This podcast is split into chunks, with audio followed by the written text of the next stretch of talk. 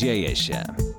Co dwa tygodnie w naszym czwartkowym studiu gości Martyna Wilk z Wrocławskiego Centrum Rozwoju Społecznego. Dzień dobry Ci, Martyno. Dzień dobry. Misją Martyny jest uczenie społeczności naszego miasta odnajdowania się w sytuacjach zagrożenia bezpieczeństwa cyfrowego, ale też szukania sprawdzonych dróg w gąszczu dezinformacji. I w związku z tym w naszym studiu też są kolejni goście i gościnie związani z tym tematem. I dzisiaj jest to Karina Stasiuk-Krajewska. Dzień dobry. Dzień dobry, witam. Na co dzień profesorka Uniwersytetu SWPS i kierowniczka Katedry Dziennikarstwa i Komunikacji Społecznej. Dobrze, że jesteście tutaj z nami w takim duecie. Bardzo dobrze. Bardzo Karina, dobrze. fajnie, że jesteś. dobry, też się bardzo cieszę. I Dziękuję za zawsze zaproszenie. lubimy dopytać na początek, jak to się dzieje, Martyna, że ty znasz takie osoby i je tutaj do nas wyławiasz na antenę dla naszych słuchaczy i słuchaczek. Jak to się zaczęło To z się wami? zaczęło jakieś 20 lat temu, jak zaczęłam czytać Harry'ego Pottera i okazało się, że mam talent do po prostu czarów i magii. Mhm, I dlatego spotykam różnych fantastycznych ludzi, a tak zupełnie na poważnie rzeczywiście Wrocław chyba ma dużo szczęścia do sieciowania, które wcale nie jest łatwą rzeczą, do sieciowania osób, które tymi tematami, nazwijmy je ogólnie cyber, zajmują się dość głęboko, także badawczo i naukowo. Karina jest taką osobą. I poznałyśmy się prawie rok temu, to jest myślę. w zeszłym roku, w kwietniu. Była taka duża debata organizowana a przede wszystkim przez przedstawicielstwo Komisji Europejskiej we Wrocławiu, gdzie Karina była prelegentką i mówiła o swojej pracy badawczej. Przynajmniej głównie zapamiętałam o wynikach swoich, swoich prac na, na konferencji, gdzie właśnie zgłębialiśmy w gronie takim szerokim przedstawicieli zarówno NASK-u, czyli dużej instytucji polskiej zajmującej się szeroko rozumianym cyberświatem w, w, w takim szerokim kontekście także bezpieczeństwa. Byli przedstawiciele policji, prokuratury, byli też przedstawiciele samorządu i właśnie Karina jako prelegentka gdzieś bardzo mocno przykuła moją uwagę, bo Prawda jest taka, że bez prac badawczych ciężko nam mówić o faktach dotyczących Mhm. mhm. cyberbezpieczeństwa, cyberświata, tylko raczej mówimy o swoich wyobrażeniach, co też jest cenne, ale jednak e, te badania naukowe po coś są. Nie? Karina Myślę. mocno osadzona właśnie w tym naukowym świecie i w takim wątku. Karina, jak to u ciebie było? Tak, to prawda. E, Ja rzeczywiście definiuję sama siebie głównie jako badaczka Mhm. Mm, i od wielu, wielu już lat zajmuję się badaniem mediów, badaniem komunikacji społecznej, też e, profesjonalizmu w dziennikarstwie, w public relations, no i od jakiegoś czasu również, mm, również dezinformacji, więc to jest ta moja jakby pierwsza tożsamość, jeśli mogę tak powiedzieć. I absolutnie zgadzam się tutaj z Martyną, że bez badań e, z takim zjawiskiem, jakim jest dezinformacja, bo to jest ten mój obszar taki najbardziej specyficzny, absolutnie sobie nie poradzimy. I tych badań jest bardzo wiele, natomiast e, też ostatnio uczestniczyłam w takim spotkaniu właśnie powiedzmy naukowym na temat tego, jak próbujemy badać dezinformację i zgodziliśmy się z tym, że jesteśmy cały czas na początku drogi. Bo to nie jest- jest... też to łatwym zadaniem. To nie jest łatwe zadanie. Po pierwsze, dlatego, że w ogóle granice dezinformacji. I tu bym mogła i mogła bardzo dużo, być może ten wątek powróci, ale samo zdefiniowanie dezinformacji jest w ogóle bardzo trudne. Czyli odpowiedź na pytanie właściwie o to, co my badamy i gdzie są te granice. E, Poza tym, potem robi się z tego zjawisko jeszcze bardziej złożone, bo to i wątki psychologiczne, i wątki społeczne, i kwestie językowe wchodzą tutaj w grę, i kwestie zmiany w mediach na przykład, czyli właściwie wszystko, wszystkie obszary, które wspólnie składają się na to, no, że ta dezinformacja jest i że ma duży i moim zdaniem no, jednoznacznie szkodliwy, bardzo poważnie szkodliwy, szkodliwy wpływ społeczny. Nie wiem, Karino, czy masz takie też e, poczucie czy przeświadczenie, bo ja coraz częściej łapię się na tym, że dzisiaj moja praca mniej polega na tym, że sama siebie edukuję w obszarze dezinformacji, natomiast poświęcam bardzo dużo czasu, żeby uczyć się o tej dezinformacji różnie mówić do różnych grup odbiorców i mam wrażenie, że to też jest jakaś ogromna trudność, która przed nami stoi. Jak dopasować język w mówieniu o tym e, wyzwaniu, jakim jest dezinformacja, czy tak zwane fake newsy w wielkim skrócie, do różnych osób, w zależności od wieku, od naszego doświadczenia, w zależności też od naszych kompetencji m, takich komunikacyjnych czy też mediowych. Tak, zdecydowanie. To zresztą bezpośrednio wynika z Twojej wypowiedzi. Myślę, że takie podstawowe założenie, dwa podstawowe założenia. Po pierwsze, że najważniejsza i najbardziej skuteczna w tym obszarze jest edukacja. Ponieważ ja powiem coś, co może nie zabrzmi optymistycznie, ale nie zwalczymy dezinformacji. To znaczy, my nie doprowadzimy, choćbyśmy się starali nie wiadomo jak, do stanu, że ta dezinformacja nagle z mediów zniknie. Czy fake newsy, czy dezinformacja, już kwestia w tym momencie nie jest takie istotne, jakich słów używamy, no ale wiadomo, takie przekazy, które celowo wprowadzają nas w błąd i są jakby w czyimś interesie gdzieś tam na początku, politycznym, ekonomicznym, czy chociażby takim, żeby skonfliktować społeczeństwo i żeby namieszać ludziom w głowach. Nie wyrugujemy tego z, z mediów z powodu mechanizmów działania mediów. Mediów społecznościowych, gdzie tam, wiecie, to szybko, e, gdzie te bańki, gdzie to wszystko powoduje, że my jesteśmy naprawdę podatni, ale także media tradycyjne, które właśnie są pod presją, też szybkości tego, że ma być emocjonalnie, Mhm. atrakcyjnie, to też powoduje, no, e, słuchajcie, ta sytuacja, która nie tak dawno miała miejsce, kiedy, kiedy w Polsce e, spadły dwie, powiedzmy, bomby i pamiętacie być może e, pociski bomby, jak Associated Press wypuściło informacje. Jedna z największych agencji informacyjnych na świecie. Powiedzmy sobie, media, politycy tak się wstrzymywały bardzo mocno z informacją, co to były za I w pociski. sumie bardzo mądrze. Ale co zrobiła Associated Press? Associated Press puściło informacje, spadły rosyjskie pociski. I wtedy się zaczęło. Co się okazało? Nie wiemy tego. Ale wiecie, presja czasu, żeby puścić, żeby być pierwszym. A na końcu co się stało? Zwolnili tego dziennikarza, moim zdaniem absolutnie niesprawiedliwie, czy tego reportera, ponieważ no, to jest jakby też mechanizm działania mediów tradycyjnych. Więc, wracając do wątku. Otóż my się nie pozbędziemy dezinformacji z mediów, moim zdaniem, czy z, z życia społecznego, natomiast to, co możemy zrobić, to edukować. I to jest jakby punkt wyjścia i to wszyscy się co do tego zgadzają, natomiast też y, edukować wszystkie grupy społeczne. To jest ogromnie istotne. Mamy, bardzo dużo się mówi o edukacji młodzieży i to jest super i to jest bardzo ważna grupa, bo to wiadomo, przyszłość nasza jest, jak wiemy.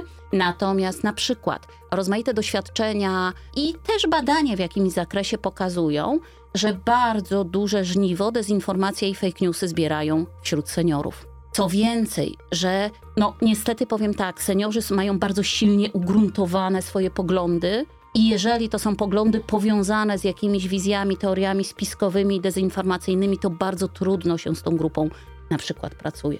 Jest bardzo ważne, co mówisz, bo ja też to bardzo lubię na tej antenie powtarzać, że nie ma osoby odpornej na fake newsa, na dezinformację. Każdy z nas jest na to narażony, dlatego że dobry fake news to jest taki fake news, który jest skorelowany z naszymi wartościami. O to, o czym mówisz, im jesteśmy starsi, tym tych naszych wartości mamy może nie więcej, ale jesteśmy do nich mocniej przywiązani. Tak. Więc im mocniej ja się czegoś trzymam, tym jest większa szansa, że jeśli trafię na fake newsa, który karmi to moje przekonanie, przywiązanie do czegoś, tym większa szansa, że, że złapię się na to, na to oszustwo. Jak mówimy o edukowaniu, to tutaj będziemy mówić za chwilę, myślę, w osobnym wejściu o tym specjalnym portalu, w który Karina jest mocno zaangażowana, ale jeszcze w nawiązaniu do tego, o czym powiedziałaś, y, do etyki.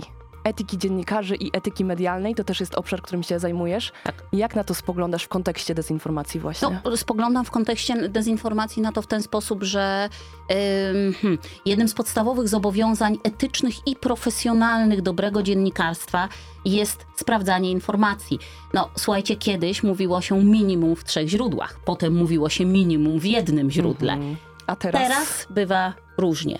Ale ja chcę wyraźnie podkreślić, że ja nie chcę powiedzieć tego, że wiecie, że dziennikarze są jacyś gorsi, czy mniej przywiązują do tego wagę. Pewnie też tacy są, różnie jest. Natomiast myślę sobie, że to jest kwestia właśnie tego mechanizmu działania mediów, tej presji na czas, presji na atrakcyjność, tego, że osoba, która się zajmuje jakimś tematem w mediach tradycyjnych, no sami wiecie jak to jest, jak to bywa, że to nie jest jeden temat, że to jest kilka tematów, trudno się znać na wszystkim, prawda? I to trzeba wszystko na szybko i to trzeba, żeby to było atrakcyjne, clickbaity i tym podobne rzeczy.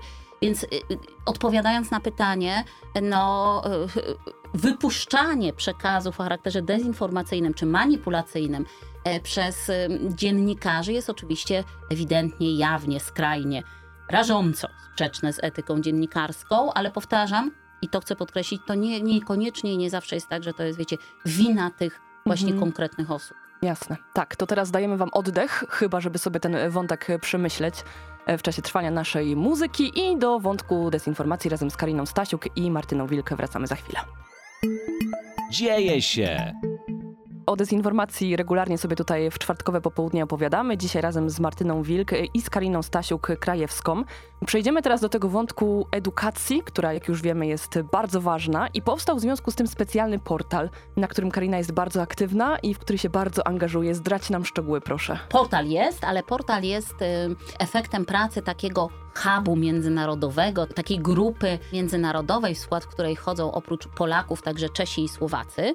Ten hub nazywa się Central European Digital Media Observatory, czyli CEDMO w skrócie. Mhm. I taki też jest adres tego i nazwa tego portalu, więc od razu zachęcam, Tak jeżeli ktoś z znaleźć. Państwa będzie miał ochotę, zapraszam. CEDMO jest finansowane ze środków Komisji Europejskiej i jest jednym z bardzo wielu takich hubów, które w tej chwili już kilkunastu, które pokrywają jakby w zasadzie no, niemal cały obszar y, Unii Europejskiej i wspólnie razem tworzą taką sieciówkę, która się nazywa z kolei EDMO, czyli European Digital Media Observatory. To jest o tyle ciekawe, że to jest rzeczywiście bardzo ciekawa i fajna platforma do współpracy, do nawiązywania kontaktów międzynarodowych. Natomiast z naszego tutaj punktu widzenia, z punktu widzenia CEDMO, a, które ja rzeczywiście no, jestem aktywna, bo koordynuję działania tutaj w Polsce, co zresztą jest dla mnie źródłem ogromnej satysfakcji też. I rzeczywiście tam jednym z podstawowych elementów jest edukacja, ale nie tylko, dlatego że CEDMO to są takie trzy filary. To myślę sobie, że to jest bardzo dobry pomysł tak naprawdę. To znaczy pierwszy filar to są badania, o których już mówiliśmy, bo to jest to założenie, że jeśli się nie dowiemy, a tak naprawdę, naprawdę, naprawdę nie wiemy jeszcze za dużo na ten temat, czyli jeżeli się nie dowiemy, jak to działa, jakie są struktury, jak to wpływa, jak się rozprzestrzenia, wiadomo, tych wszystkich rzeczy, to jesteśmy w gorszej pozycji. Nie mówię, że w ogóle nie, ale jesteśmy w gorszej pozycji, jeśli chodzi o uczenie, edukację, bo nie znamy tego zjawiska, tak? W związku z tym najpierw badania, potem bardzo szeroko zakrojone działania edukacyjne dla różnych grup społecznych, czyli y, poczynając od y, młodzieży, poprzez nauczycieli, dziennikarzy, także profesjonalistów. y, Co też jest ważne, jak już wiemy. tak, to przy tej okazji powiem, że właśnie planujemy takie warsztaty dla dziennikarzy, a wcześniej też warsztaty dla studentów, więc e, tego rodzaju działalność edukacyjną na dużą skalę prowadzimy. Także webinary dla nauczycieli, także taką serię podcastów, na którą chciałabym zwrócić uwagę, bo myślę sobie, że są interesujące. To jest Ja e, się muszę seria... wtrącić. Tak. Widziałam, te podcasty są bardzo super, są bardzo krótkie, w ogóle bardzo krótkie filmiki też, które Mhm. Cedmo produkuje. Naprawdę mistrzostwo świata. Jak ktoś się irytuje w czwartkowe e, popołudnie słuchając Radiolus, bo znowu ta dezinformacja, to zachęcam, zmienicie zdanie. znowu tak dużo gadają. Nie? I to są takie filmiki, które też, y, ponieważ członkiem konsorcjum jest też agencja Agence France Press, tutaj ta, że tak powiem, nasza część środkowoeuropejska, bo to jest globalna agencja informacyjna i AFP właśnie produkuje takie też krótkie filmiki, jakich prostych narzędzi można użyć internetowych, żeby sobie po prostu samemu, jak fact-checker albo prawie jak fact-checker, sprawdzić, czy dana informacja jest prawdziwa. To naprawdę jest łatwe i to naprawdę jest po prostu ciekawe. Ja się I takim, za, że to jest zabawne, to jest zabawne, to tak, jest fajna to, przygoda. Tak, to jest fajna przygoda. E, e, Zresztą ja też o tym mówię często, bo, bo a propos rozmawiałyśmy o tym, że młodzież niekoniecznie się interesuje jakby tym problemem. Pewnie mi tutaj nie wolno reklamować, więc nie podam nazwy, ale jest całkiem popularna gra którą grają młodzi ludzie, e, która właśnie dokładnie polega na tym, że, nale- że się ląduje w jakimś miejscu na mapie i na podstawie różnych tam danych, że tam jakiś kształt znaku drogowego i tak dalej, trzeba się odnaleźć. I to jest dokładnie mechanizm, który, sto, który stosują fact-checkerzy. Więc tak, te filmiki, ta seria podcastów, która się nazywa Konteksty, webinary dla nauczycieli w planie, dopinamy e, współpracę z influencerami, więc też mamy taki pomysł. No i wreszcie trzecia rzecz, już zbliżając się do końca tej prezentacji, e, to jest też myślę coś, co jest bardzo, bardzo ważne, czyli współpraca ze środowiskami profesjonalnymi i z praktykami, z dziennikarzami, ale też z fact-checkerami. Mamy w konsorcjum także organizacje fact-checkingowe z tych wszystkich trzech krajów, czyli mamy powiedzmy sobie uniwersytety, instytucje badawcze, mamy specjalistów od edukacji medialnej i mamy także organizacje fact-checkerskie, które robią bardzo dobrą robotę w Europie. Jest ich sporo, naprawdę trzymają bardzo wysokie standardy. Niestety mm, ta ich działalność cały czas nie jest tak bardzo popularna, jakby mogła być. Badania w Polsce na przykład pokazują, że tylko około 5% respondentów korzysta z pracy fact-checkerów, a ja powiem szczerze, że naprawdę mamy świetne portale fact-checkingowe w Polsce. Naprawdę, powtórzę raz jeszcze, mm, tak medioznawczo się mówi, że media w Polsce są spolaryzowane, czyli że są takie albo na jedną, albo na drugą stronę troszkę zwłaszcza te duże media, natomiast y, te portale fact-checkingowe naprawdę trzymają taki, taki I obiektywizm. też jeśli mogę dopowiedzieć jedną rzecz odnośnie, to jest taka moja refleksja dotycząca tychże fact-checkingowych organizacji. One, słuchajcie, przekazują treści pisane naprawdę zrozumiałym językiem. To znaczy nie trzeba być fachowcem w dziedzinie, który na przykład, bo w wielkim skrócie nie wiem, czy słuchacze wiedzą, na czym, to, na czym polega praca takich agencji. Mówiąc krótko, biorą na patelnię jakiś artykuł na przykład, najpierw zaznaczają, że to jest fałszywe, fałszywa informacja albo jest to manipulacja, a potem wyjaśniają dlaczego i krok po kroku pokazują jakby budowę danego przekazu i wyjaśniają, co tak naprawdę miało miejsce, co tak naprawdę zostało powiedziane i tak dalej. I ogromną sztuką jest przedstawić to rzeczywiście płynnym, fajnym językiem, a mam wrażenie, przynajmniej te kilka organizacji fact-checkingowych, które znam i które obserwuję, robią to po prostu bardzo przystępnie. Tak, i tam jest też tak, że w standardzie fact-checkingu, i myślę, że to jest bardzo ciekawe, oni robią to w ten sposób, że każdy czytelnik, nie posiadający jakichś super kompetencji, może sam to sobie sprawdzić, czyli wrzucają linki, dokładnie opisują proces sprawdzenia tej informacji i wrzucają wszystkie linki. Mhm. Oni to robią właśnie z powodu takiego, że chcą być e, jakby wiarygodni i przejrzyści. Mówią, no pokażemy wam, jak żeśmy to sprawdzili, że nic tutaj nie nawymyślaliśmy. Nie?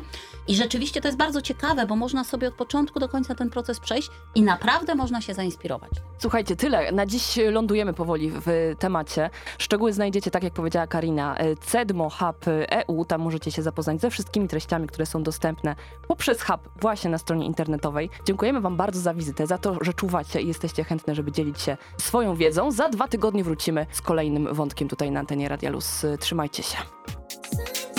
Akademickie Radio Luz. Włącz się online na 916.fm.